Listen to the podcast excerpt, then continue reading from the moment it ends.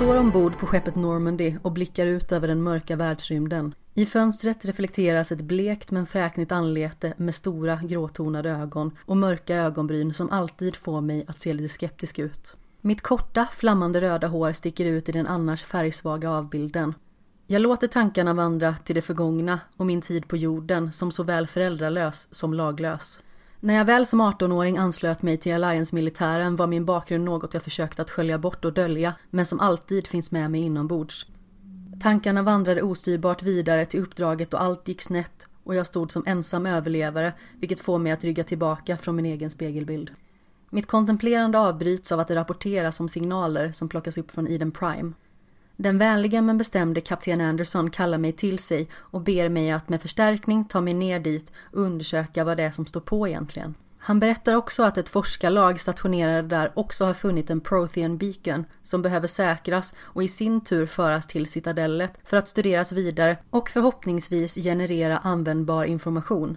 Detta verkar förklara varför vi haft en Turian Spectre ombord. Hans namn är Nihilus och verkar inte direkt öppen för att samarbeta allt för nära med oss. Därför kör han sitt eget race och hastar iväg i förväg utan någon som helst medhjälpare som har hans rygg. Jag själv är inte intresserad av att vara i det utsatta läget och notifierar Richard Jenkins och Caden Alenko om att jag vill att de följer med mig för att undersöka platsen och gör mig därefter redo för landning.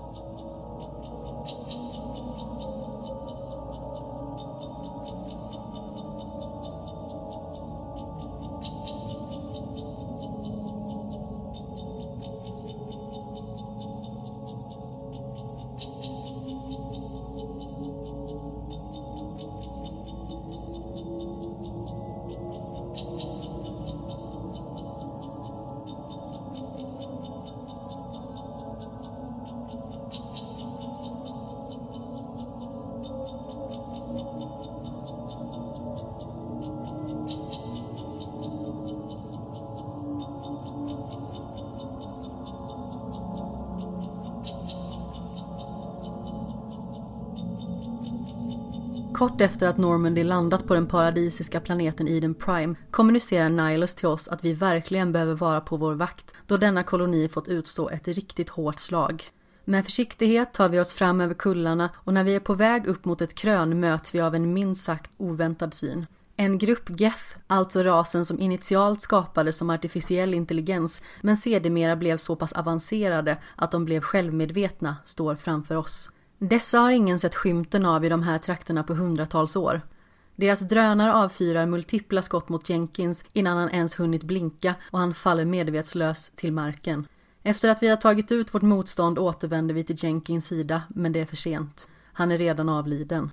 När vi fortsätter genom den ojämna terrängen möter vi en kvinnlig soldat som presenterar sig som Gunnery Chief Ashley Williams och hon slår följe med oss vilket känns betryggande då hon verkar vara ytterst kompetent i strid. Vi fortsätter för att undersöka utgrävningsplatsen och kan konstatera att den Prothean Beacon som vi eftersöker måste ha förflyttats. En makaber syn möter oss dock alldeles snart då Geth spetsar kolonister på elektroniska pålar och dessa återvänder sedan som odöda. Dessa husks, som de kallas, måste vi också ta ut för att inte komma till skada. När vi fortsätter snoka runt möter vi två forskare, Dr. Warren och Dr. Manuel, och de bekräftar våra teorier om bykonen och säger att den förflyttats till Spaceport. Väl framme finner vi Spectre Nihilus liggandes på marken. Även han har bragts om livet. Vi blir först förvånade över att denna ytterst skickliga Torian inte skulle ha kunnat stå emot det motstånd han mött. Men när en man vid namn Powell sticker fram nunan från sitt gömställe berättar han att han såg vad som egentligen skedde. Niles blev avrättad av en annan Torian vid namn Saren, kallblodigt skjuten i ryggen. Efter denna chockartade information aktiverar vi ett tåg som för oss vidare till nästa plattform där också den Prothean Beacon vi letat efter är belägen. Efter att vi säkrat området och gjort slarvsylta med vårt motstånd vågar vi närma oss den försiktigt. Jag får dock en stark reaktion när jag kommer riktigt nära och för mitt inre öga svävar obehagliga bilder förbi. En vision om ond bråd död. Innan mina ögon slut ser jag ett enormt skepp flyga iväg i fjärran.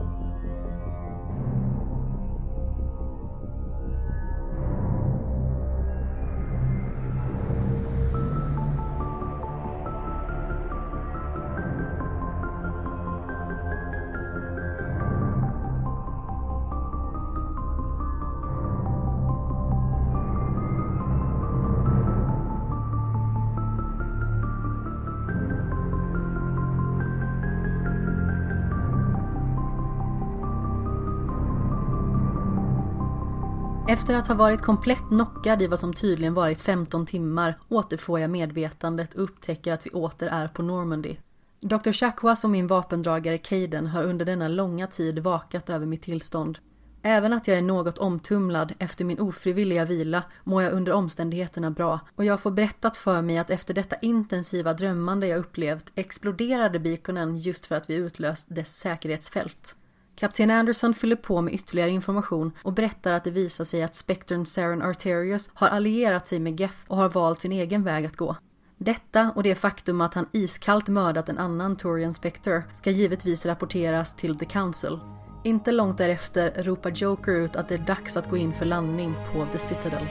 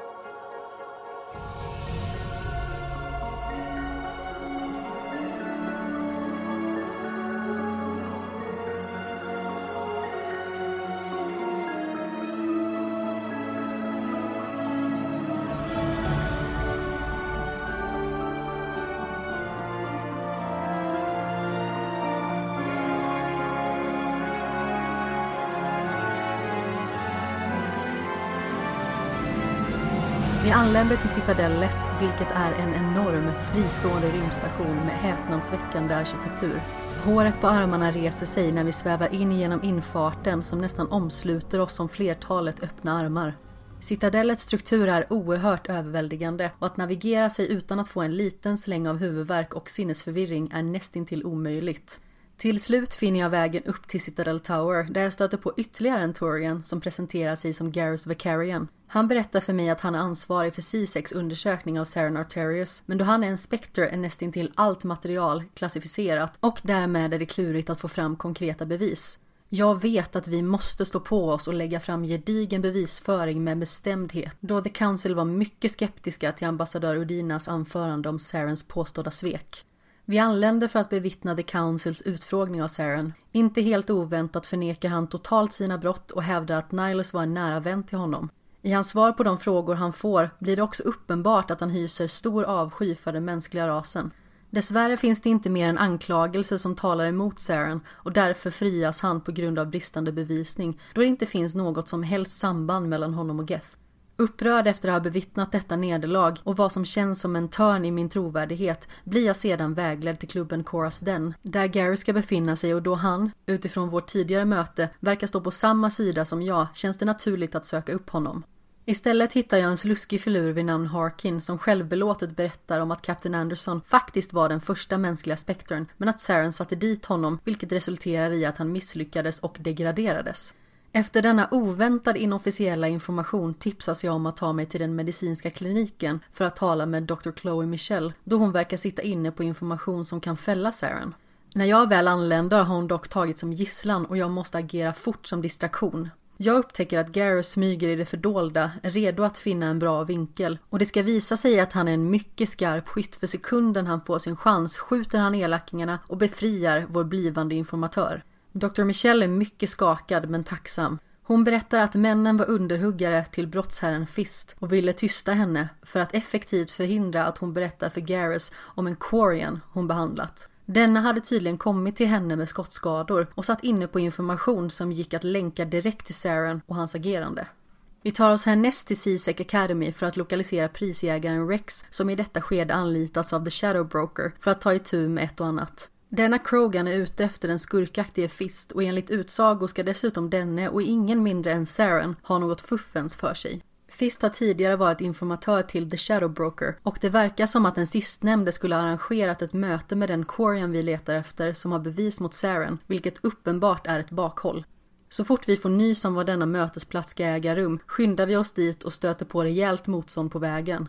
Vi anländer precis när planen skrider i verket och de ska fimpa henne, men tillsammans samarbetar vi för att eliminera skurkarna. Talisora Naraya, som hon heter, är ytterst tacksam för att vi kom dit och i grevens tid räddade hennes skinn, vilket gör henne villig att vara oss behjälpliga och slår härifrån följe med oss. Det är nu hög tid för oss att meddela The Council att vi kan lägga fram, enligt oss, fällande bevis. Tali hade lyckats extrahera information ur minneskärnan hos en Geth och det starka bevis hon innehar är en ljudfil som exponerar Sarens triumferande röst efter händelserna på Eden Prime. Han avslöjar för sin kumpan, matriarken Benezia, att målet hädanefter är att finna något som heter The Conduit och därmed ta ett steg närmare Reapers återkomst. Det blir nu uppenbart för mig att det jag sett i min vision från den Protean-byken vi hittade på Eden Prime var hur rasen Protheans blev utrotade av Reapers, som fram tills nu enbart verkat vara en myt. The Council ser mycket allvarligt på denna ljudupptagning och avsätter Saren omedelbart och tar ifrån honom alla spektrförmåner. När jag tror att dagen inte kan sluta på en mer positiv not än så här visar The Council sin aktning samt tilltro till mina egenskaper och utnämner mig härmed till den första erkända mänskliga spektern. Sorgligt nog får Captain Anderson överge sin SSV Normandy, men jag vill ändå tro att det känns betryggande för honom att denna fenomenala farkost är i mina händer som överbefälhavare. Väl ombord på skeppet växlar jag några ord med Joker och han undrar om jag vill säga något till besättningen. Min besättning.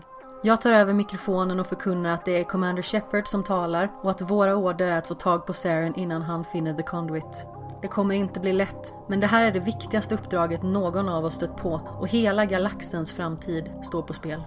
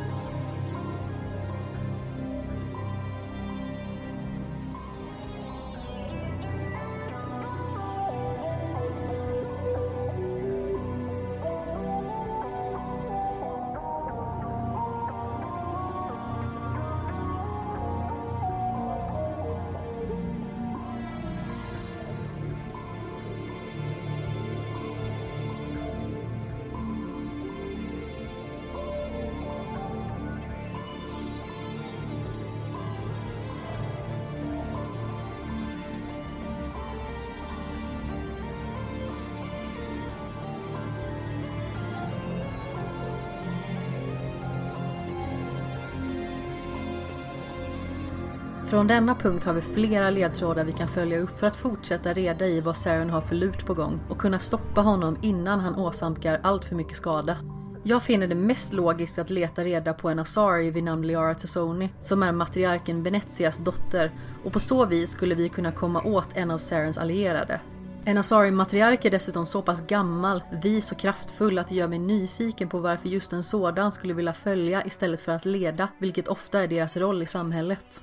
Jag tar med mig mina nyvunna besättningsmedlemmar Tali och Garrus till klustret Artemis Tau och planeten Therum för att leta reda på Dr. Tsoni, då hon enligt våra källor ska befinna sig där i arkeologiska syften i och med att hon studerar Protheans efterlämningar.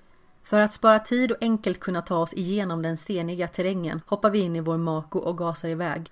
Detta bilfordon är i många avseenden oerhört opolitligt att styra men den är ändå effektiv i att eliminera alla geth som försöker stoppa vår framfart och i slutändan tar vi oss trots allt till vår destination. Vi börjar undersöka denna arkeologiska utgrävning och röra oss sakta men säkert ner under jorden. När vi hittar Liara Tassoni visar det sig att hon har slutit in sig i ett kraftfält för att kunna skydda sig mot Geth, då även de är ute efter att få tag på henne. Men det verkar som att kraftfältet så att säga gått i baklås och nu är hon fast där inne. Hon berättar att det finns en möjlighet att gå in bakvägen och stänga av det, men för att göra det måste vi öppna en hemlig passage som leder oss dit. Jag hittar en terminal med en lättknäckt kod och lyckas därmed ta oss in och befria henne. Vi har inte mycket mer tid över än för artighetsfraser då vi måste skynda oss därifrån. Men just när vi ska ta oss ut blockeras vägen av en ondsint Krogan och hans mannar som är ute efter blod. Krogan-ledaren, som uppenbarligen sänds hit för att få tag på Liara, försöker övertala oss att lämna över henne för att undvika konflikt. När vi vägrar får vi snabbt kasta oss undan och ta skydd, då det trots allt inte är till någon fördel att reta upp en Krogan. När vi tagit itu med det hinder de utgör plockas vi åter upp av Normandy där vi får lära oss mer av vår nyaste medlem ombord. Dr. Liara Sony har studerat Protheans och deras mystiska försvinnande från galaxen i närmare 50 år genom att utföra arkeologiska undersökningar på betydelsefulla platser. 50 år kan låta mycket, i synnerhet då det i stort sett är hälften av de år hon hittills levat. Men trots att hon är 106 år gammal är hon fortfarande en yngling med Asari-mått mätt, då de har kapacitet att leva upp till tusentals år. Det märks också på henne att hon är ung i sitt sätt att föra sig, då hon är en smula valpig trots sitt kunnande. Som människa lever jag ett mycket mer kort och intensivt liv och trots att jag enbart är i slutet av 20-årsåldern känns det som att jag är äldre än vad hon är. Vi fortsätter tala om det uppdrag vi står inför och på något vis verkar det som att The Conduit skulle kunna ha någon koppling till Protheans utrotning för 50 000 år sedan.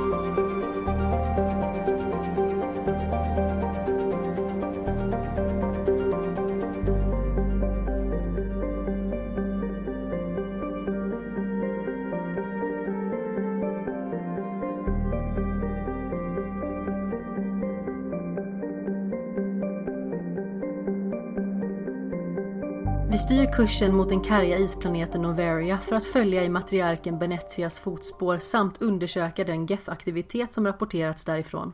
Med mig följer självfallet Liara som kan vara till stor hjälp i att lokalisera sin moder och kunna närma sig henne utan att hon känner sig lika hotad. Med följer också Garrus då jag fått intrycket av att han har min rygg i alla lägen och utgör en enorm trygghet i gruppen.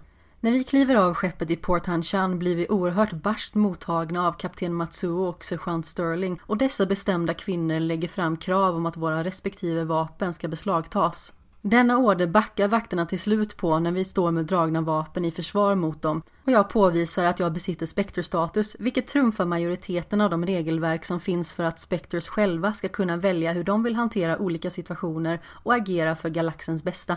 Kort efter att min identitet bekräftats och vi får godkänt att spatsera in på området smyger en kvinna vid namn Gianna Parasini fram och delger oss information som vi eftersöker. Hon berättar att Venezia nyligen haft vägarna förbi men att hon med följe sedan ska ha tagit sig vidare till den isolerade forskningsstationen Peak 15 uppe i Skadi Mountains. För att erhålla tillstånd om transport till detta bergskomplex råder hon oss att tala med Bell Anoleis, en herre som besitter ansvaret att se över Port Hanchan. Gianna råkar också vara Anoleis assistent och när vi anländer till hans kontor ger hon oss tillåtelse att besöka honom på momangen.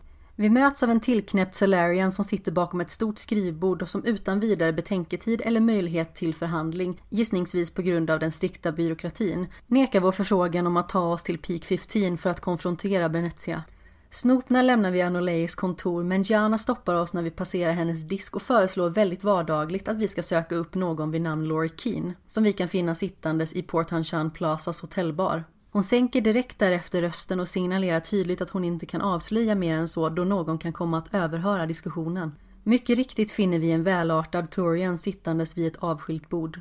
Lorik erbjuder oss att göra honom sällskap, slå oss ner, ta en drink och undrar därtill vad han kan stå till tjänst med. Vi förtäljer att vi är i behov av ett garagepass för att kunna färdas utanför byggnaden vi befinner oss i och då föreslår han en överenskommelse. Det är nämligen så att Lorik lagrat information på sin dator som bevisar att administratör Bell Anoleis är korrupt, men kontorsutrymmet är avspärrat och kontrolleras av Anoleis vakter. Om vi smyger oss in på Loriks kontor på Synthetic Insights och hämtar materialet han eftersöker ska han gladeligen förse oss med passerkortet. Med vapnen laddade och i högsta hugg för att försvara oss mot det motstånd som väntar ilar vi genom byggnaden och tar skydd bakom varje hörn för att vara redo för anfall. Utan vidare svårighet lyckas vi ta oss in på kontoret och norpa den data vi ska överlämna till Lorik. På vägen ut däremot blir vägen avspärrad av Keira Sterling med följe, vilket inte blir ett alltför besvärligt hinder då både Liara och Garrus är mycket skickliga på att hantera sina förmågor.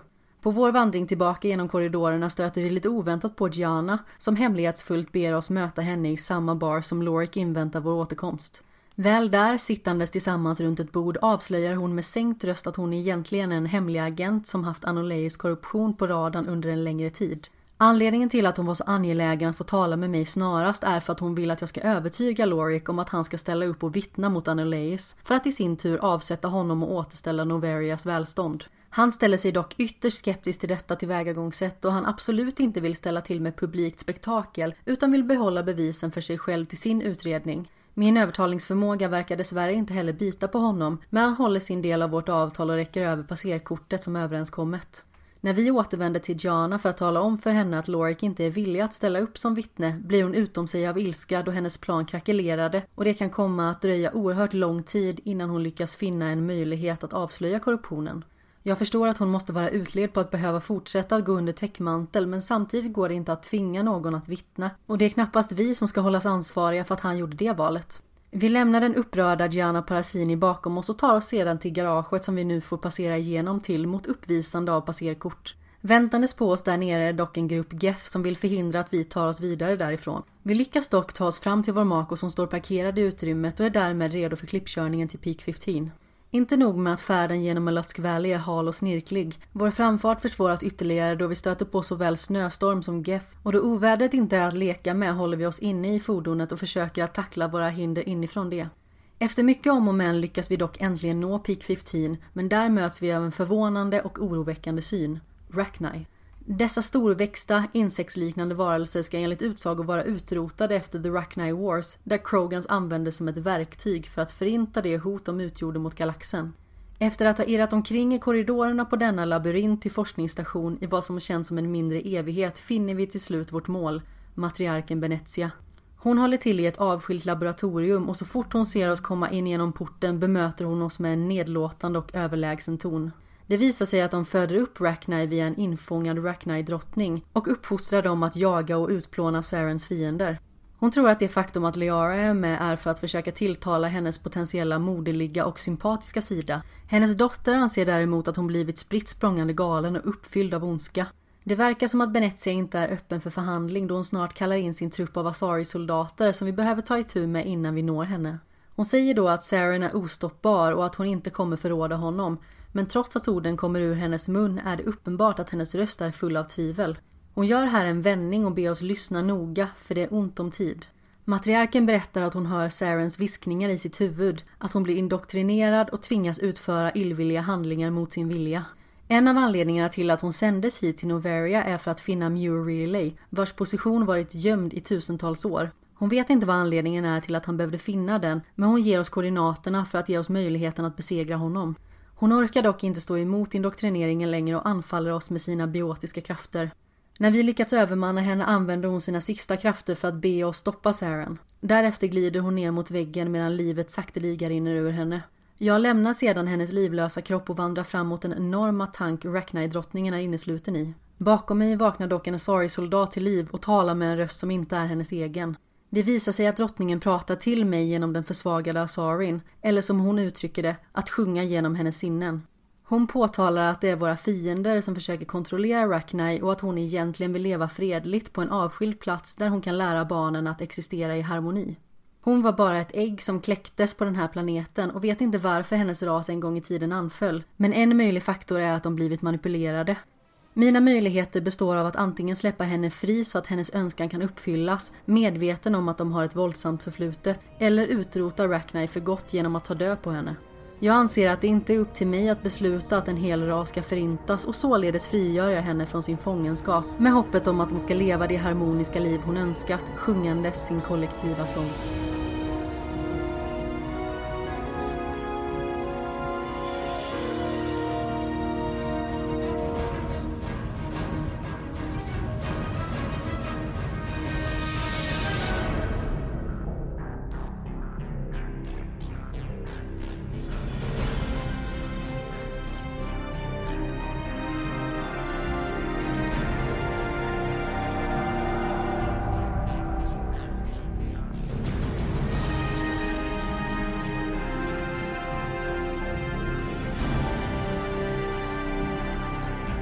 Åter är samlade ombord på Normandy igen planerar vi vårt nästa drag och överväger att färdas till New Relay som vi fick kon på när vi besökte Noveria. Vi kommer dock snabbt fram till att det är ett slöseri med tid och Liara föreslår att det vi borde fokusera på i nuläget är att eftersöka mer information om Saren. Detta leder upp till att Ashley beter sig väldigt otrevligt mot Liara och grunden till detta verkar inte enbart vara för att hon inte håller med om förslaget utan är mer djuprotat än så. Jag tillrättavisar Ashley dock då jag finner beteendet fullkomligt oacceptabelt, i synnerhet då vi alla är på samma sida och finns här för att stödja varandra. När mötet avslutats rapporterar jag först om vår oväntade Rackney-upptäckt på Noveria och därefter känns det hög tid för mig att ta en runda ombord på skeppet för att lära känna min nya besättning ytterligare samt försäkra mig om att de börjat komma till sin rätta och mår bra. Caden blir den jag springer in i först och han är väldigt kvick med att påpeka att han tycker att The Councils hantering av hela den här situationen osar katt, då de levererat information från oss men är ovilliga att hjälpa. Det blir också smärtsamt tydligt i vår diskussion att han vill komma mig nära och försöker bli mer personlig, men då backar jag tillbaka en smula. Han är absolut en lojal och trogen löjtnant, men jag är inte intresserad av honom, även att jag förstår att många säkerligen skulle dras till hans mörka hår, djupa blick och tvålfagra yttre. Även Garris är på smickerfronten dagen till ära men han är mer rakt på sak och uttrycker hur friare han känner sig på ett uppdrag som detta. Att byta ut det regelfyllda och strikta CISEC mot det flexibla arbetssätt Spectres rör sig med utgör verkligen en stor skillnad i tillvaron. Jag pratar sedan lite motvilligt med Ashley med tanke på hur besvärlig hon gjorde sig under det tidigare besättningsmötet. Främst vill hon poängtera att hon tycker att jag begick ett stort misstag som frigjorde Rackney med tanke på hur farliga de ansetts vara rent historiskt. Men jag står fast vid mitt val. Hon tycker också lite oväntat att jag borde gå och se efter Liara som trots allt just förlorat sin moder. Det är förmodligen det klokaste hon sagt på hela dagen och jag beslutar mig för att söka upp Liara. I mitt letande passerar jag Rex och då han känns lite hemlig och återhållsam frågar jag om han vill dela med sig av något från hans förflutna. Men han rycker bara på axlarna och förkunnar att det inte direkt finns något intressant att berätta. När jag av nyfikenhet trycker på lite säger han sarkastiskt att det var ju den där skojiga gången när Torian såg till att Krogans nästintill blev utrotade. Jag flikar in att vi människor också har en något komplicerad relation till Turians på grund av First Contact War. Alltså när människorna började utforska bortom sitt solsystem och för första gången stötte på en så kallad utomjordisk ras. Vilka skulle visa sig vara Turian som därtill gick till anfall. Han sätter mig på plats och påpekar att dessa två händelser inte riktigt är jämförbara då motivet bakom Genophage, vilket kom att utvecklas av Celarian-forskare, var att hämma en hel ras och göra det nästintill omöjligt för dem att fortplanta sig.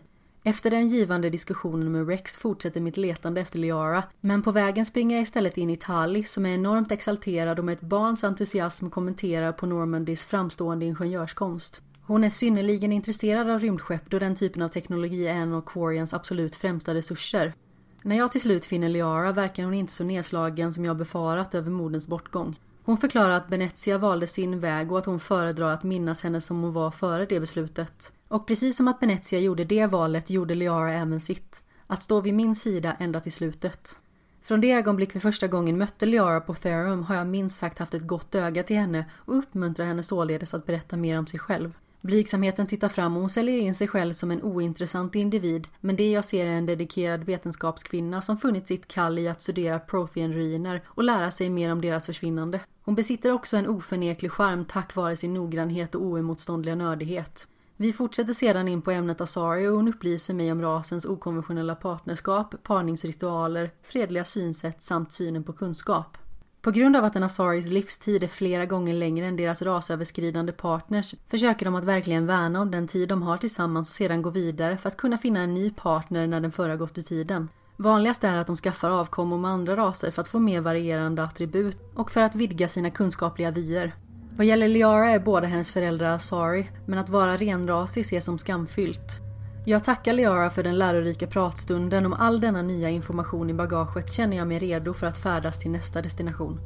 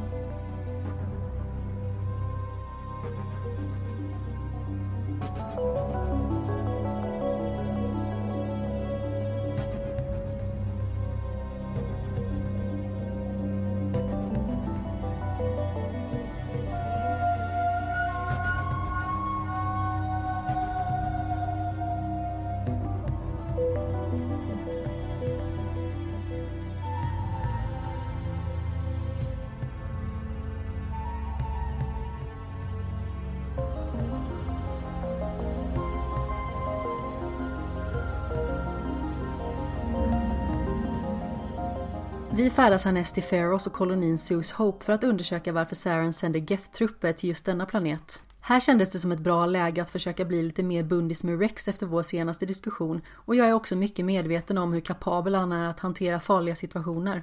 Trots att förra uppdraget påverkat Liara mer än hon vill ge sken av låter jag även henne följa med just på grund av att jag känner att vi har en nära kontakt och jag vill hålla henne under uppsyn.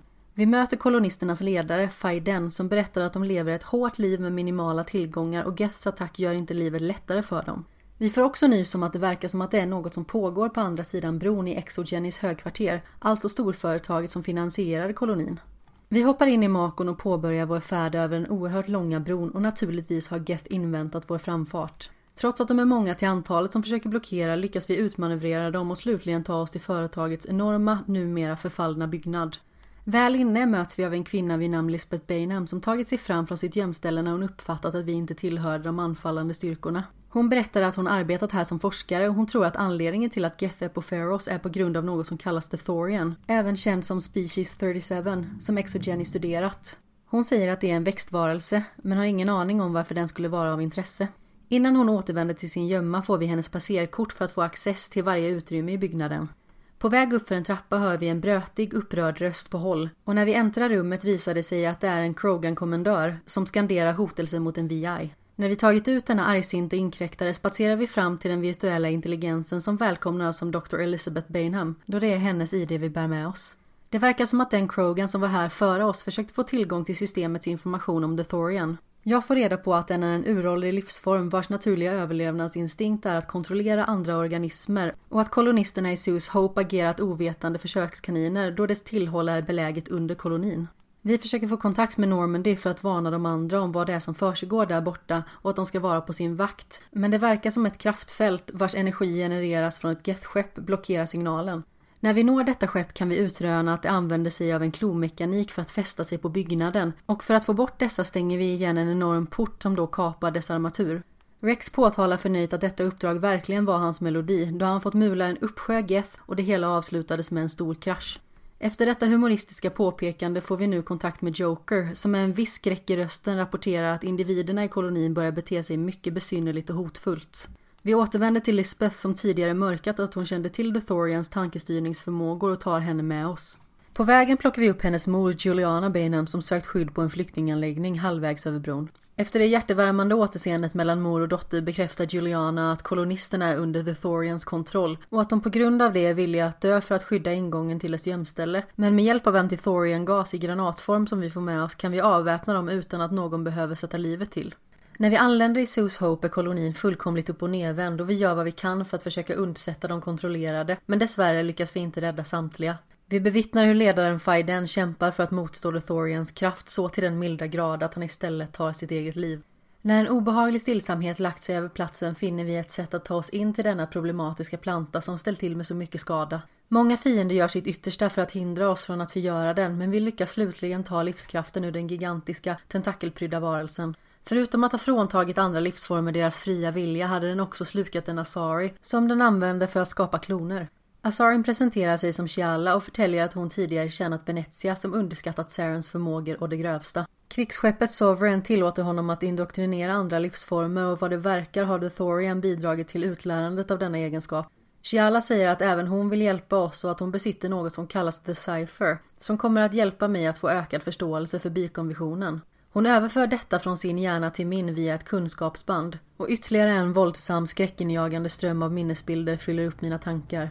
Vi är nu redo att lämna Pharaohs och Sus Hope där Shiala stannar för att hjälpa kolonin tillbaka på fötter och gottgöra den skada som åsamkats.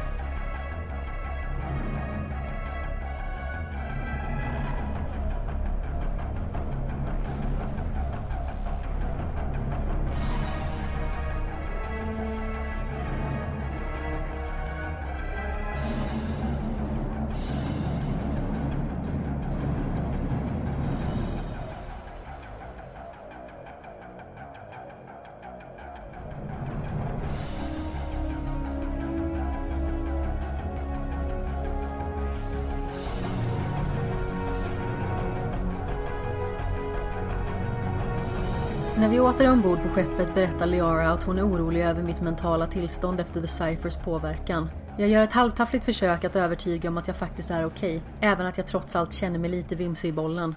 Med tanke på att Liara är en Prothean-expert av rang föreslår hon att hon bör koppla ihop sitt medvetande med mitt för att vara behjälplig att få klarhet i vad jag bevittnat. Hon beundrar sedan mitt psykes styrka och säger att de flesta andras hjärnor skulle kollapsat av den intensitet den fått utstå. Hon förklarar sedan också att det verkar som att bikonventionen är inkomplett och att det inte är helt omöjligt att Saren sitter på den information som saknas. Efter denna mentala pers behöver Liara dra sig undan en stund då ihopkopplingen påverkat henne starkt. Jag försöker övertyga henne om att det är lämpligt att uppsöka Dr. Chakwas för säkerhets skull, men hon hävdar att hon enbart behöver ladda upp batterierna ett tag. Joker bryter in då det finns ett väntande samtal från The Council, men jag avvisar det då jag upplever att hela besättningen inklusive jag själv är i behov av att återhämta sig efter den omvälvande upplevelsen. När jag åter är på banan igen ställer jag mig och blickar ut över Vintergatan på den holografiska galaxkartan och funderar kring vart hen vi ska fara härnäst och det lutar åt planeten Vermeer.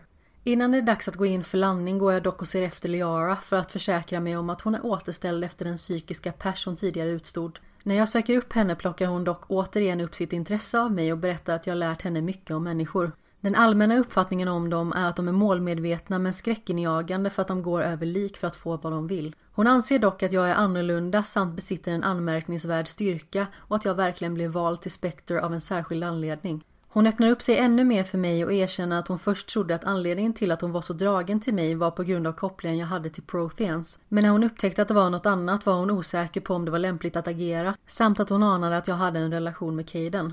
Jag förklarar att det inte är något mellan mig och Caden utan att vi enbart är vänner. Hon frågar mig då om attraktionen är ömsesidig och när jag bekräftar det märker jag att hon blir nervös och aningen blyg. Nästintill så den annars asurblå huden börjar övergå till en mer skär nyans. Hon säger att det är svårt för henne att förstå hur hon kan vara så dragen till mig med tanke på den relativt korta tid vi känt varandra, inte är av samma ras och inte heller har särskilt mycket gemensamt. Jag vet inte vad mer jag kan säga än att känslor helt enkelt inte alltid är logiska. Sedan lämnar jag henne i fred då hon är i behov av lite tid i ensamhet och utrymme för att bearbeta det vi just samtalat om.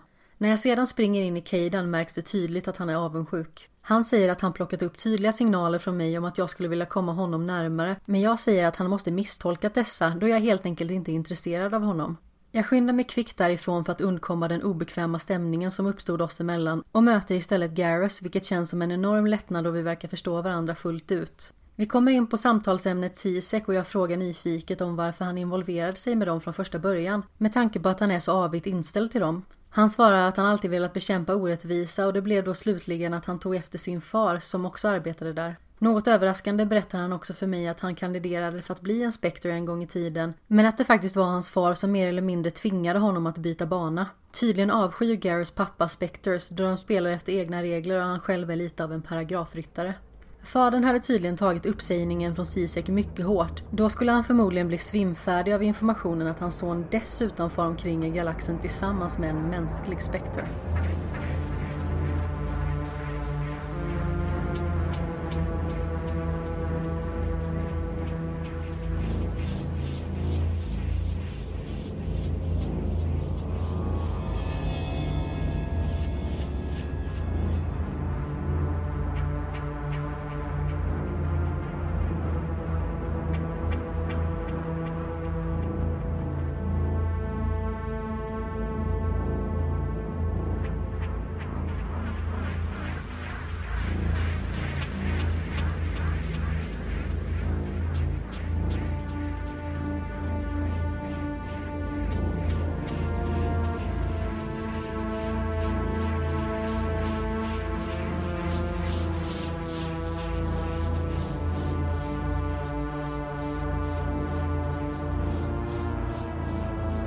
För att inte bli för distraherad under kommande uppdrag upplever jag det som logiskt att låta Liara få stanna kvar på Normandy. Det kändes också rätt gentemot henne då hon behöver tid att återhämta sig efter den intensiva reaktion hon kände från visionen, men också för att få möjlighet att smälta vårt mer intima diskussionsämne.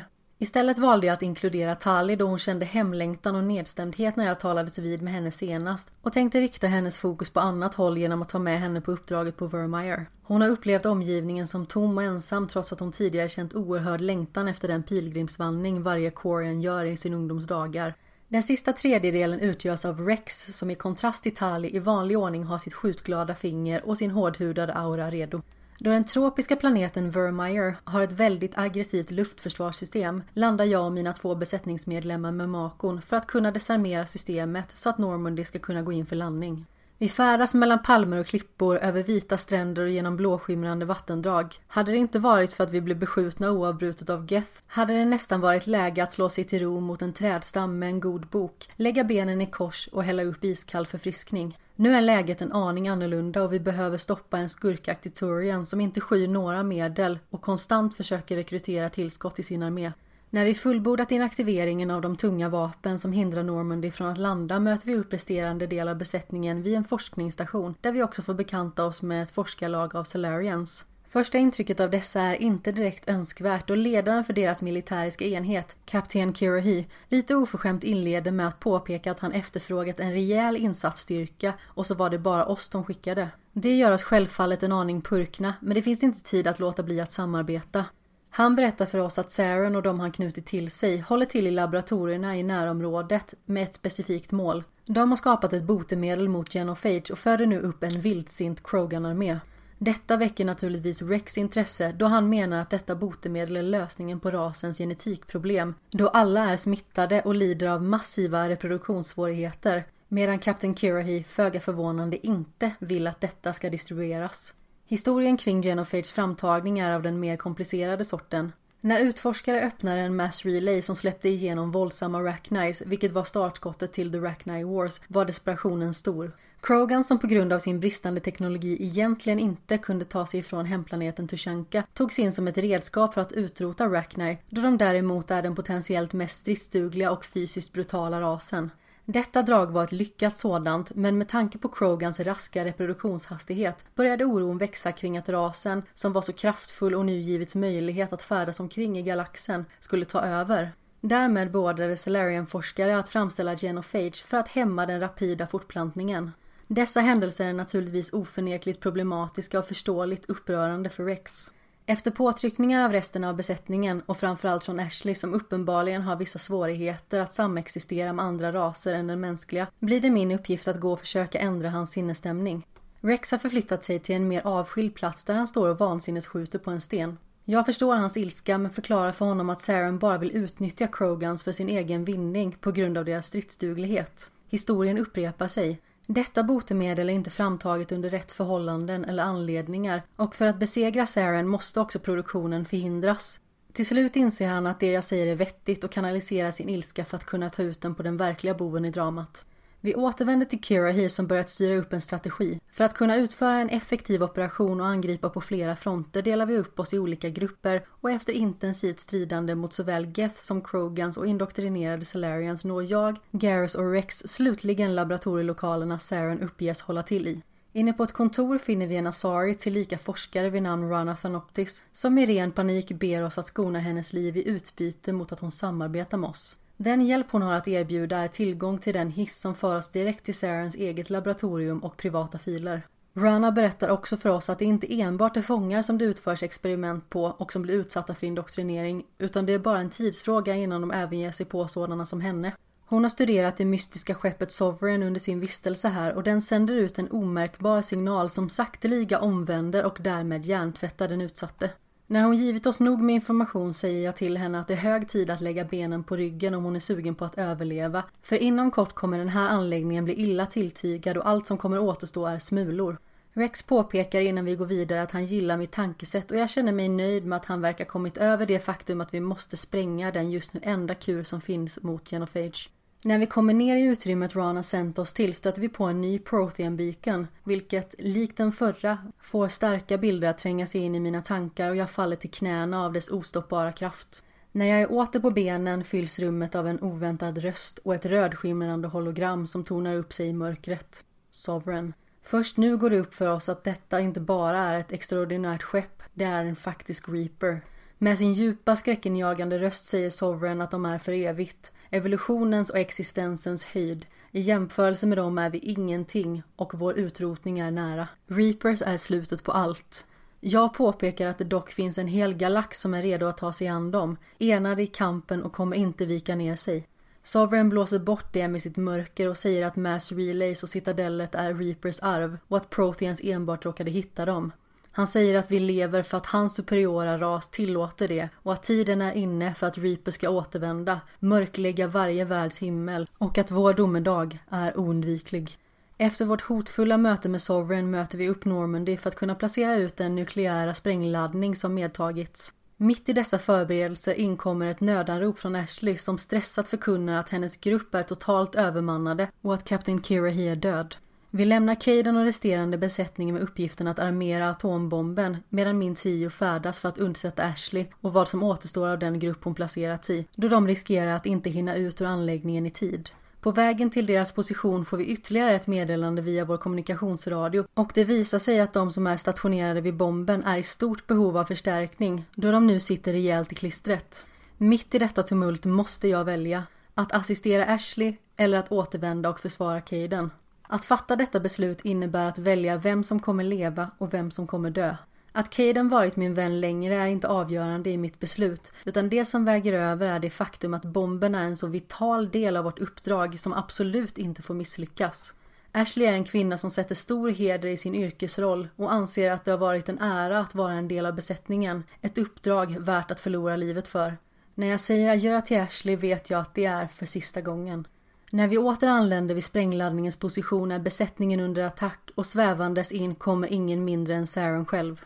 Med sin sedvanligt överlägsna framtoning säger att han inte kan låta mig genomföra detta uppdrag då jag inte har förståelse för vad som verkligen står på spel. Att det är meningslöst att försöka bekämpa Reapers likt Protheans gjorde. De kanske hade överlevt om de vikit ner sig och ansett Reapers som sina härskare. Något vi bör göra för att inte gå samma öde till mötes. Många liv kommer enligt honom räddas, men själv är jag inte övertygad om att Reapers faktiskt skulle låta oss överleva. Han säger att detta är anledningen till att han allierar sig med Sovereign, som behöver honom för att finna The Conduit och att han inte kommer låta sig bli dennes indoktrinerade tjänare. Om Saren tror att en uråldrig maskinras som anser sig ha rätten att ödelägga hela civilisationer inte enbart har honom som en utbytbar bricka i spelet har han onekligen slagits av storhetsvansinne. Jag försöker förhandla med honom och få honom att inse att han redan blivit fråntagen sin fria vilja men tillsammans kan vi göra det vi svor att göra som Spectres, försvara galaxen. Han hävdar att min väg kommer leda oss alla in i förintelsen och med målet att döda mig går han sedan till anfall. Jag står emot väl, men när jag råkar tappa fotfästet ser Saren sin chans. Med ett järngrepp lyfter han upp mig från marken med sin kloliknande hand runt min hals. Hans vassa käkar är sammanbitna och hans smala ögon stirrar med vrede rakt in i mina. Dock distraherar något honom plötsligt och jag lyckas få in ett slag mot hans huvud som får honom ur balans och han släpper sitt grepp när han faller till marken. Jag skyndar mig fram till den illa tilltygade Caden och lyfter upp honom över axeln, medveten om att vi bara är sekunder från förödelse. Vi hinner ombord på Normandy som med joker vid spakarna sätter av mot yttre rymden. Bakom oss exploderar forskningsstationen och ett gigantiskt moln av mörk rök tornar upp sig mot skyn.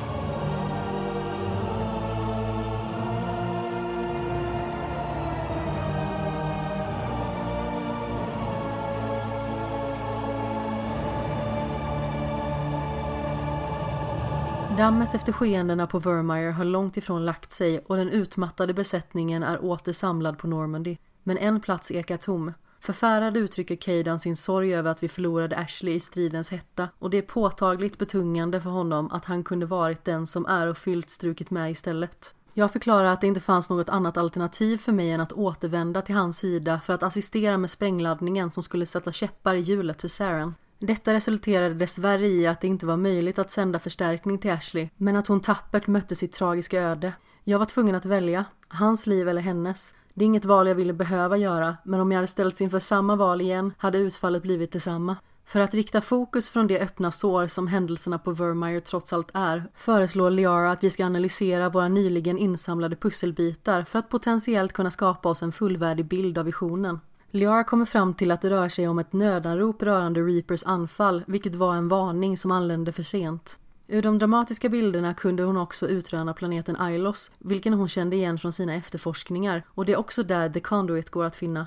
Detta är svaret på varför Saren sökt efter Muir Relay. Det är det enda sättet att färdas till Ilos och därmed The Conduit. Joker dyker in i diskussionen genom högtalarsystemet och kopplar in The Council som han har på tråden. De säger att de läst min alarmerande rapport om den uråldriga artificiella intelligens som är Sovereign, men de ställer sig tveksamma till sanningshalten i vad jag redogjort.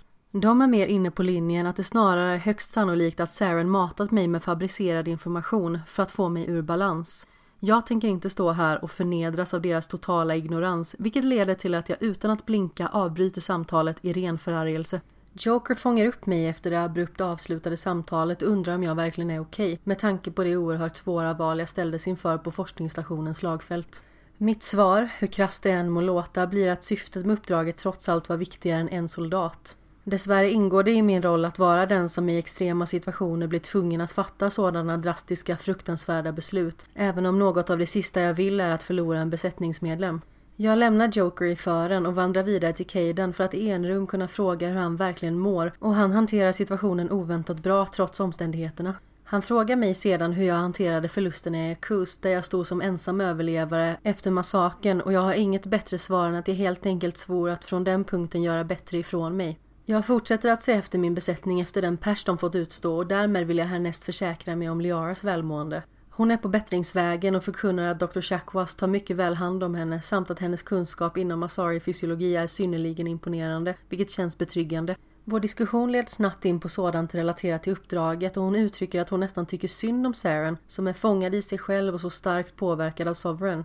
Oavsett vad hans motiv är att alliera sig med en Reaper från första början är det högsta prioritet att sätta stopp för honom och inte sympatisera med honom. I synnerhet med tanke på den skada han redan orsakat och den ödeläggelse han kan komma att bli ansvarig för om vi misslyckas. Hon lägger den diskussionen åt sidan och det märks att hon istället vill leda in den på en mer personlig linje. I detta fall handlar det om de fördomar som finns kring Asaris promiskuitet, som verkligen inte är i linje med hur det ska vara att idka älskog med denna kunskapstörstande ras. Det som egentligen är främst viktigt för dem är att akten är väl överlagd och att den resulterar i ett spirituellt utbyte där två blir en och vävs samman på djupet. Av ren nyfikenhet frågar jag om anledningen till att hon tog upp just detta ämne är på grund av att det är vad hon vill ska hända här, oss emellan. Ställd av min framfusighet blir hon alldeles till sig, försöker övertyga om att det inte var intentionen och hon försäger sig nästan om sin uppenbara brist på erfarenhet. Trots hennes reaktion på föregående fundering frågar jag om det är så att hon inte gjort något sådant tidigare och hon säger då att hennes ringa ålder samt enorma fokus på forskning har stått i vägen. I nuläget känner hon också att den kaotiska situation vi befinner oss i gör henne osäker på om hon är redo att ta det steget, vilket jag ställer mig helt förstående till. Jag lämnar Liara i fred då det verkar som att hon är i behov av lite tid för sig själv och träffar då på Tali som nu verkar betydligt mer munter. Hon berättar för mig att pilgrimsfärden inte enbart går ut på att finna sin egen väg ut ur ungdomens dagar utan även att bringa något med sig tillbaka som kan vara till folkets nytta. Hennes förhoppning är att finna något som får dem att underlätta förståelsen för Geth och hon känner att pressen kring det är stor. Inte bara med tanke på det kulturella värdet utan också för att hennes far är högt uppsatt i Quarian-hierarkin. Hon slår mig dock som hoppfull i ärendet och jag lämnar henne för att gå till den andra delen av skeppet. Där möter jag Rex som uttrycker respekt inför mina svåra beslut under det senaste uppdraget och jag känner glädje inför att han valde att kämpa tillsammans med oss. För att, om bara för ett ögonblick, kunna släppa de betungande skenorna på Vermeer söker jag upp Garrus, som är den individ jag finner mest avkopplande att spendera tid med av hela besättningen och jag frågar honom om han vill dela med sig av anekdoter från hans tid på Sisek. Han berättar att han hade span på en genetiker vid namn Dr. Salion som klonade organ inuti sina offer och därefter profiterade på dem genom att sälja dem på svarta marknaden. Denna oetiska Salarian är nu på flykt undan rättvisan, vilket är något som jäckar Garrus än idag trots att han lämnat sin tid som utredare av skumraskaffärer bakom sig. Han har dock kommit över koordinater som möjligen kan leda oss till där han nu opererar under nytt alias. Dessa överlämnar han till mig och då jag finner att vi ännu inte är redo att färdas till Ailos förbereder vi oss istället inför att konfrontera Salion och därmed skipa rättvisa. Just när vi ska skrida till verket blir vi dock kallade till citadellet för att återigen möta The Council.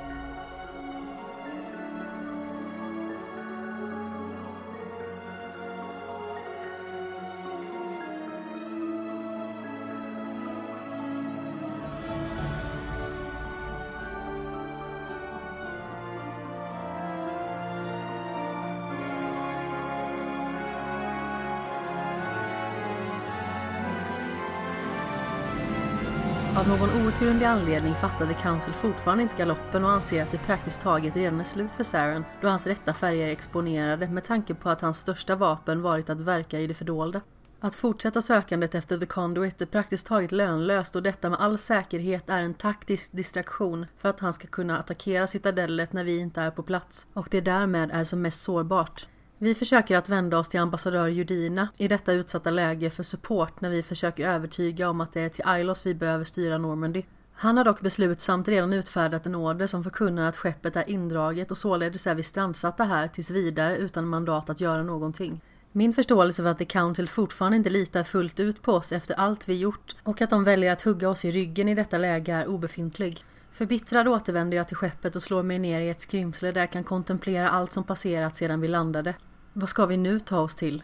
När jag sitter där uppslukad av uppgivenhet kommer Liara in och försöker ha en tröstande inställning. Hon säger att jag gjort allt de bett om och mer än så. Att ingen hade kunnat åstadkomma det jag gjort. Hon tror på mig och är med mig varenda steg på vägen. Mitt i försöket att luska ut om det finns ett sätt att ta sig tillbaka in i spelet skiftar i vanlig ordning stämningen till en mer intim sådan. Det är uppenbart att det finns en attraktionsgnista oss emellan, men hon har i det förflutna tenderat att försöka få mig att komma nära, men skjuter mig sedan lite ifrån sig, med största sannolikhet av en osäkerhet sprungen ur hennes oerfarenhet. Därmed är jag lite avvaktande då jag känner att det är bättre att hon får ta den tid hon behöver och ta stegen i sin takt. Vi närmar oss sakteliga varandra, men just när vi bara är sekunder från att våra läppar möts ljuder Jokers röst i högtalarna. Han förtäljer att kapten Anderson vill att vi träffar honom på nattklubben Flax snarast och med Garrus och Tali hack i häl ilar jag genom citadellet. När vi först anländer till klubben finner jag inte Anderson men inser snart att jag helt enkelt inte kände igen honom utan sin uniform. Han delar min och den resterande besättningens oerhörda besvikelse kring hur vi behandlas av The Council, men han tycker att vi ska ge oss av till Ilos ändå. Och han har en plan som han själv är högst delaktig i. Två alternativa planer för att vara exakt. Antingen kan han bryta sig in på ambassadör Judinas kontor för att stänga av spärrarna som hindrar vårt skepp från att lämna den massiva rymdstationen eller så kan han uppnå samma resultat genom att ta över Citadellets konsoler i kontrolltornet. Personligen tycker jag att förstnämnda idé låter betydligt mindre riskabel om han skulle råka stöta på den syrliga Judina kan han säkerligen ge honom på nöten om så skulle behövas. När jag låter honom själv välja vilken strategi han föredrar är han inne på samma spår och jag kallar besättningen till farkosten för att vi ska vara redo att lyfta. Själv slår jag mig på helspänn ner bredvid Joker i väntan på klarsignal. Andersons klyftiga plan lyckas och Normandy frigörs för att återigen färdas ut i rymden.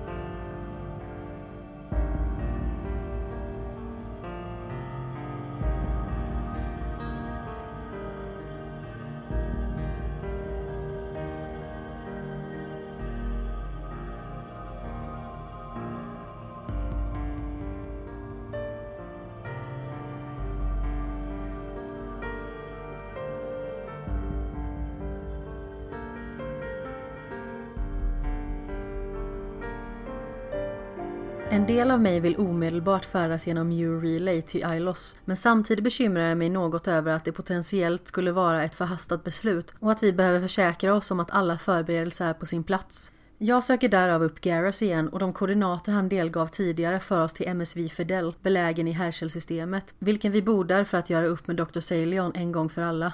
Med oss följer också Rex för att bidra med extra krut och muskelmassa. Mycket riktigt finner vi denna skurkaktiga Salarian som nu går under den ironiska täckmanteln Dr. Hart och ställer honom mot väggen.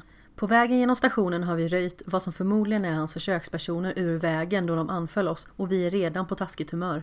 Garrus hemlystenhet gentemot doktorn väcks till liv och han vill inget annat än att se honom död.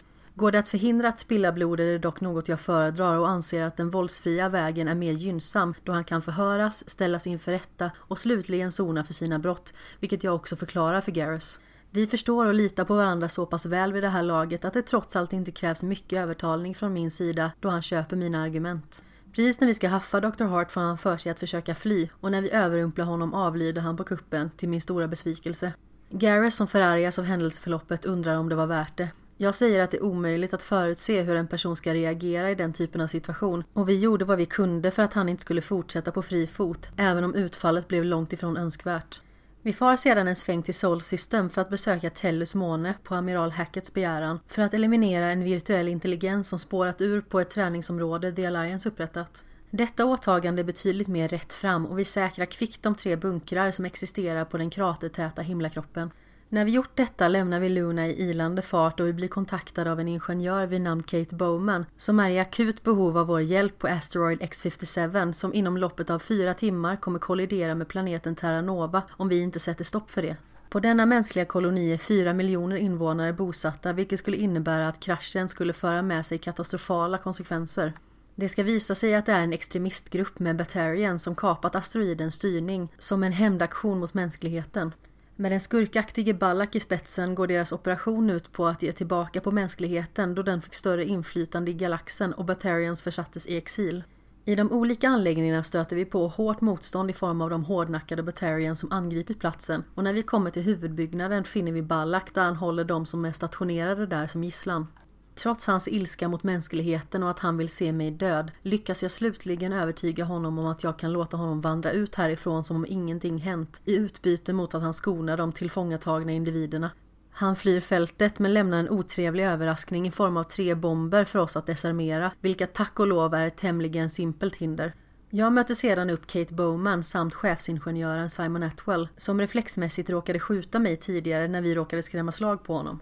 Tursamt nog tog min sköld smällen och jag kom ur det mötet oskadd. De bekräftar för mig att asteroiden återigen är i korrekt kurs men det uttryckt skepsis kring det faktum att jag lät Balla komma undan. Jag anser att det tveklöst var värt det med tanke på utfallet och han kommer därtill säkerligen vara eftersökt i hela galaxen, vilket innebär att han sannolikt inte kommer kunna hålla sig undan rättvisan särskilt länge. Kate är förståeligt förkrossad över att hon miste sin bror Aaron, som avrättades av den ondsinte Ballack. Men trots denna personliga förlust är hon oerhört tacksam då vår insats säkrade Terranova och dess befolknings framtid. Hon säger också att den envishet hon ser i mig såg hon även i honom, vilket värmer trots det sorgliga öde han gick till mötes. När hela besättningen åter är samlad på Normandy möts jag av en bekymrad Garrus och jag frågar hur det är fatt. Han undrar om vi någonsin kommer sätta stopp för Saren då han konstant verkar ligga steget före samt har sin Geth-armé i ryggen. Det verkar också som att han bär på en inneboende oro kring The Councils tillförlitlighet. Om de skulle visa sig vara korrupta skulle de således mycket väl kunna försätta honom på fri fot om vi fångar in honom och vi skulle kanske överväga att fimpa honom för att försäkra oss om att det är över. Han betvivlar inte på något vis min kapacitet och han känner full tillit gällande mitt ledarskap och lovar att göra allt i sin makt för att vi ska kunna nå vårt slutgiltiga mål. Gares ord betyder oerhört mycket för mig och jag känner sannligen att det finns ett starkt band oss emellan olikt något annat. Hans anspråkslösa närvaro bidrar med en trygghet som i detta skede gör mig säker på att vi är redo att styra Normandy mot Ilos. När vi börjar närma oss Muir Relay kommer Liara in till mig och undrar om jag har ett ögonblick. Hon säger att det här skulle kunna vara vårt sista tillfälle tillsammans, bara vi två, då det är omöjligt att sia om vad som kommer ske när vi ställs öga mot öga med Sarens ondskefullhet än en gång. Hon verkar betydligt mer säker på vad hon själv vill i relation till när vi senast talades vid och hon undrar om även jag vill att våra kroppar och sinnen ska enas. Detta är något jag velat sedan första gången vi möttes och så även nu. Jag kan dock inte rå för att det är något som känns annorlunda inom mig, men jag inbillar mig att det är det betungande uppdraget som gör sig påmint. Jag tar henne i mina armar, kysser henne och vi uppslukas av denna stund medan vi stadigt färdas allt närmare fienden.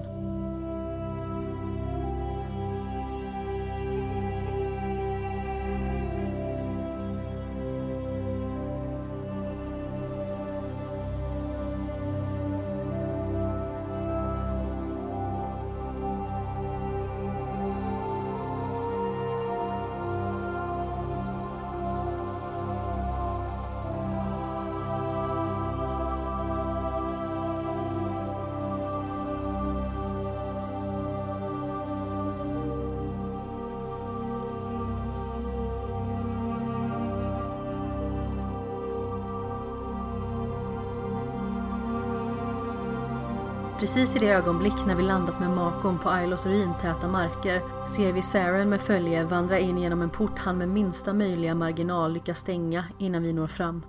Han har gjort en rejäl ansträngning för att förhindra att vi ska följa honom in i bunkern och möter enormt motstånd från de trupper han lämnat efter sig på marknivå. Detta ger honom minst sagt ett massivt försprång i letandet efter The Conduit men jag, Garrus och Caden är en väl sammansvetsad enhet som bemöter det kraftfulla motståndet med precision och effektivitet vilket leder till framgång. I sökandet efter en alternativ väg till de underjordiska gångarna finner vi en säkerhetspanel som förvånande nog sparat en 50 000 år gammal Prothean-inspelning. Denna ljudupptagning är något skakig och splittrad till få hörbara fragment bestående av enstaka ord och kapade meningar. Men vi kan trots det fastställa att det vi lyssnar på är en varning om Reaper-invasionen. Vi lyckas slutligen passera in med vårt fordon och hastar igenom vad som till synes verkar vara den fallna civilisationens katakomber. Konstant med kalla kårar klättrandes upp för ryggraden håller jag ögonen på skaft för att finna ledtrådar som kan föra oss närmare svaret på vad vi eftersöker. Vi finner ytterligare en panel som till synes uppenbarar sig som en illa sargad virtuell intelligens. Språkandes till oss via hologram presenterar den sig som Vigil, vilket jag anser är ett passande namn på denna vakande entitet. Den känner av att jag ej indoktrinerats och kungör att det inom kort inte kommer att gå att finna säkerhet någonstans, men att den inväntat min ankomst för att jag är menad att bryta en miljoner år lång cykel. Den delger informationen att citadellet egentligen är en enorm mass relay som kommer att frigöra Reapers om den aktiveras, vilket innebär att vårt främsta mål är att förhindra att Saren öppnar The Citadel Relay. Den senaste gången Reapers anlände lyckades de komma över all data över galaxens civilisationer via citadellet, vilket gjorde dem fullkomligt ostoppbara i deras mission att utplåna. Allt av värde samlades in, allt biologiskt liv tillintetgjordes och när de uppnått vad de kom för tog de sig ut genom citadellets relay och förslöt denna bakom sig innan de återgick till sin långa dvala i dark space. Hur de tog sig in från första början var att en reaper återstod för att, när tiden var inne, kunna sända en signal till keepers som håller till på samt utför underhåll på citadellet och som i sin tur såg till att öppningen av The Citadel Relay skedde enligt planen. På Ilos, som passerat Reapers förbi, gick kvarvarande Protheans in i en kryokoma och när Vigil väckte de slutliga tolv forskare som ej kopplats bort på grund av den sinande energin lyckades de modifiera signalen vilket resulterade i att Keepers således ej responderade på den därefter. Vad det verkar var de sorgesamt dödsdömda Protheans en mycket framstående ras rent tekniskt och förståelsen för Liaras fascination ökar markant mellan dessa historietäta väggar. Innan vi ger oss av överlämnar Vigil en kopia av en datafil som är till för ändamålet att vi ska bryta oss in i Citadellets säkerhetssystem och förhindra att Citadellets relay öppnas manuellt. The Conduit är nyckeln i Sarens offensiv. Det är inget vapen utan en port tillbaka till Citadellet från Ilos. Det är därför avgörande att vi ger honom hack i häl genom den för att bemöta eld med eld. I högsta möjliga fart styr vi makon mot The Conduit och med svettpärlorna vilandes mot våra pannor hinner vi in med enbart några sekunders marginal innan den försluts.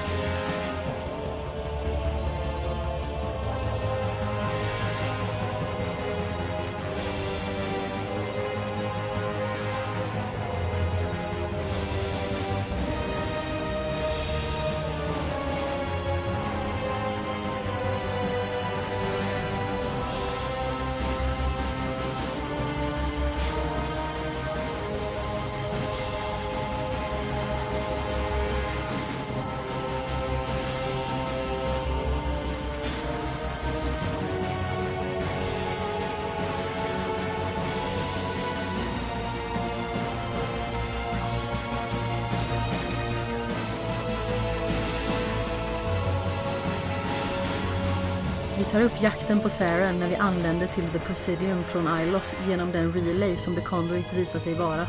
Den stora rymdstationen har redan utsatts för stor skada och var vi än vänder oss ser vi de illvilliga marionettrupperna fortskrida med sin förödelse.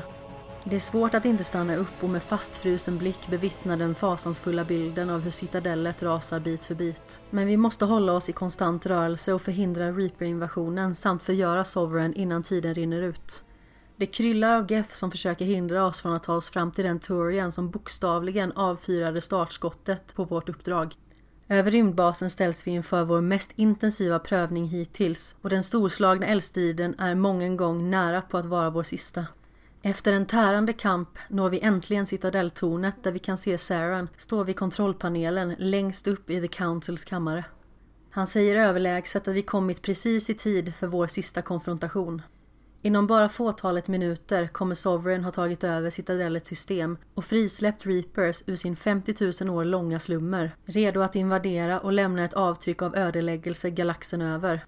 En sista gång försöker han dock resonera med mig genom att förkunna att hans vilja är att vi ska stå på samma sida och att det trots allt finns en plats för organiska livsformer när Reapers har makten, då vi har ett högt värde enligt Sovereign. Det finns inte en chans att jag litar på en högutvecklad, intelligent, teknologisk ras vars uttalade mål är att bringa förödelse till galaxen vi lever i. Varför skulle de skona oss när allt pekar på att de i ren överlägsenhet med lätthet skulle kunna frångå sitt ord och utföra vad de kom hit för från första början? Jag svarar Saren att jag hellre kämpar emot och dör än att ge upp, varpå han kontrar med att jag, alla i min besättning, alla jag älskar, kommer dö. Alla kommer dö. Reapers är ostoppbara och vi är chanslösa. Jag står inte ut med att höra på de ord som planterats i hans tankebanor och tiden håller på att rinna ut. Med Garrus och Caden vid min sida är det hög till att göra upp med Saren, en gång för alla. Efter att vi försvarat oss mot attackerande Geth siktar jag in mig på honom och med ett sista välplacerat skott med mitt prickskyttegevär får jag till slut se honom handlöst falla genom glastaket. Jag rusar fram till panelen där jag laddar upp den fil Vigil överlämnade till mig på Ilos och till min stora lättnad fungerar den helt enligt planen vilket betyder att jag får fullkomlig kontroll över Citadellets alla system. Caden vill att jag ska öppna upp rymdstationen för att förstärkning ska kunna passera in och förhindra att Sovereign tar kontroll över den. Garris föreslår istället att öppna en kommunikationskanal, vilket jag gör och får direkt in ett nödanrop från flaggskeppet Destiny Ascension, som är i akut behov av assistans då det tagit stor skada vid försöket att evakuera The Council. Jag får sedan in ett samtal från Normandy och Joker som berättar att de ännu går att rädda, men då behöver Alliance-flottan sändas in, vilket dock kan leda till många mänskliga förluster. Om ingen kommer till Destiny Ascensions undsättning kommer dock The Council och övriga ombord demoleras av Geth-flottan. Hur opolitligt The Council än må ha betett sig på senare tid anser jag att de ändå bidrar med stabilitet till den galax vi lever i och att förlora dem kan förvärra denna krisartade situation mer än nödvändigt. Jag ser till att de relay som finns runt citadellet öppnas upp för att sända in Alliance-kavalleriet inklusive Normandy för att undsätta den enorma farkosten. Garrus och Caden tar sig därefter ner till planet under för att försäkra oss om att Saren verkligen är avliden. Gareth stegar fram mot den livlösa kroppen som ligger spetsad på en stor skärva av glas och skjuter honom sedan i huvudet. Om han lyckats överleva allt vad det fallet innebar bör han åtminstone inte vara levande efter det skottet. Plötsligt börjar dock hans kropp levitera och ger ifrån sig en massiv tryckvåg som slungar både Gareth och Caden tillbaka rakt in i väggen. Mitt emot oss står nu en återupplivad Saren som fråntagits kroppens organiska delar men lämnats med ett implanterat metallskelett. När vi slutligen förgör den skräckinjagande uppenbarelse som till fullo kontrollerats av Sovereign börjar tornet att rasa samman och ta oss med i fallet. Jag återfår mitt medvetande och hör den välbekanta rösten tillhörande Kapten Anderson kalla på mig.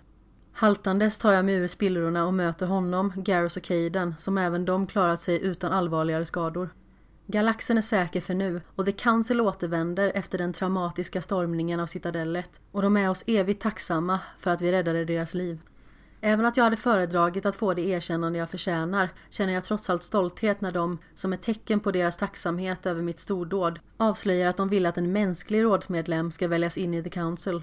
Valet mellan ambassadör Judina och kapten Anderson är ett av de lättaste besluten jag behövt fatta på senare tid. The Council finner mitt val av Anderson synnerligen inspirerande och han godtager också denna hedervärda position. Trots att vårt uppdrag slutfördes fruktar jag dessvärre att det inte är över ännu. Reapers kommer återvända och då måste vi vara redo. Galaxens framtid står på spel och vi måste stå sida vid sida, enade. Jag klarar inte det här på egen hand.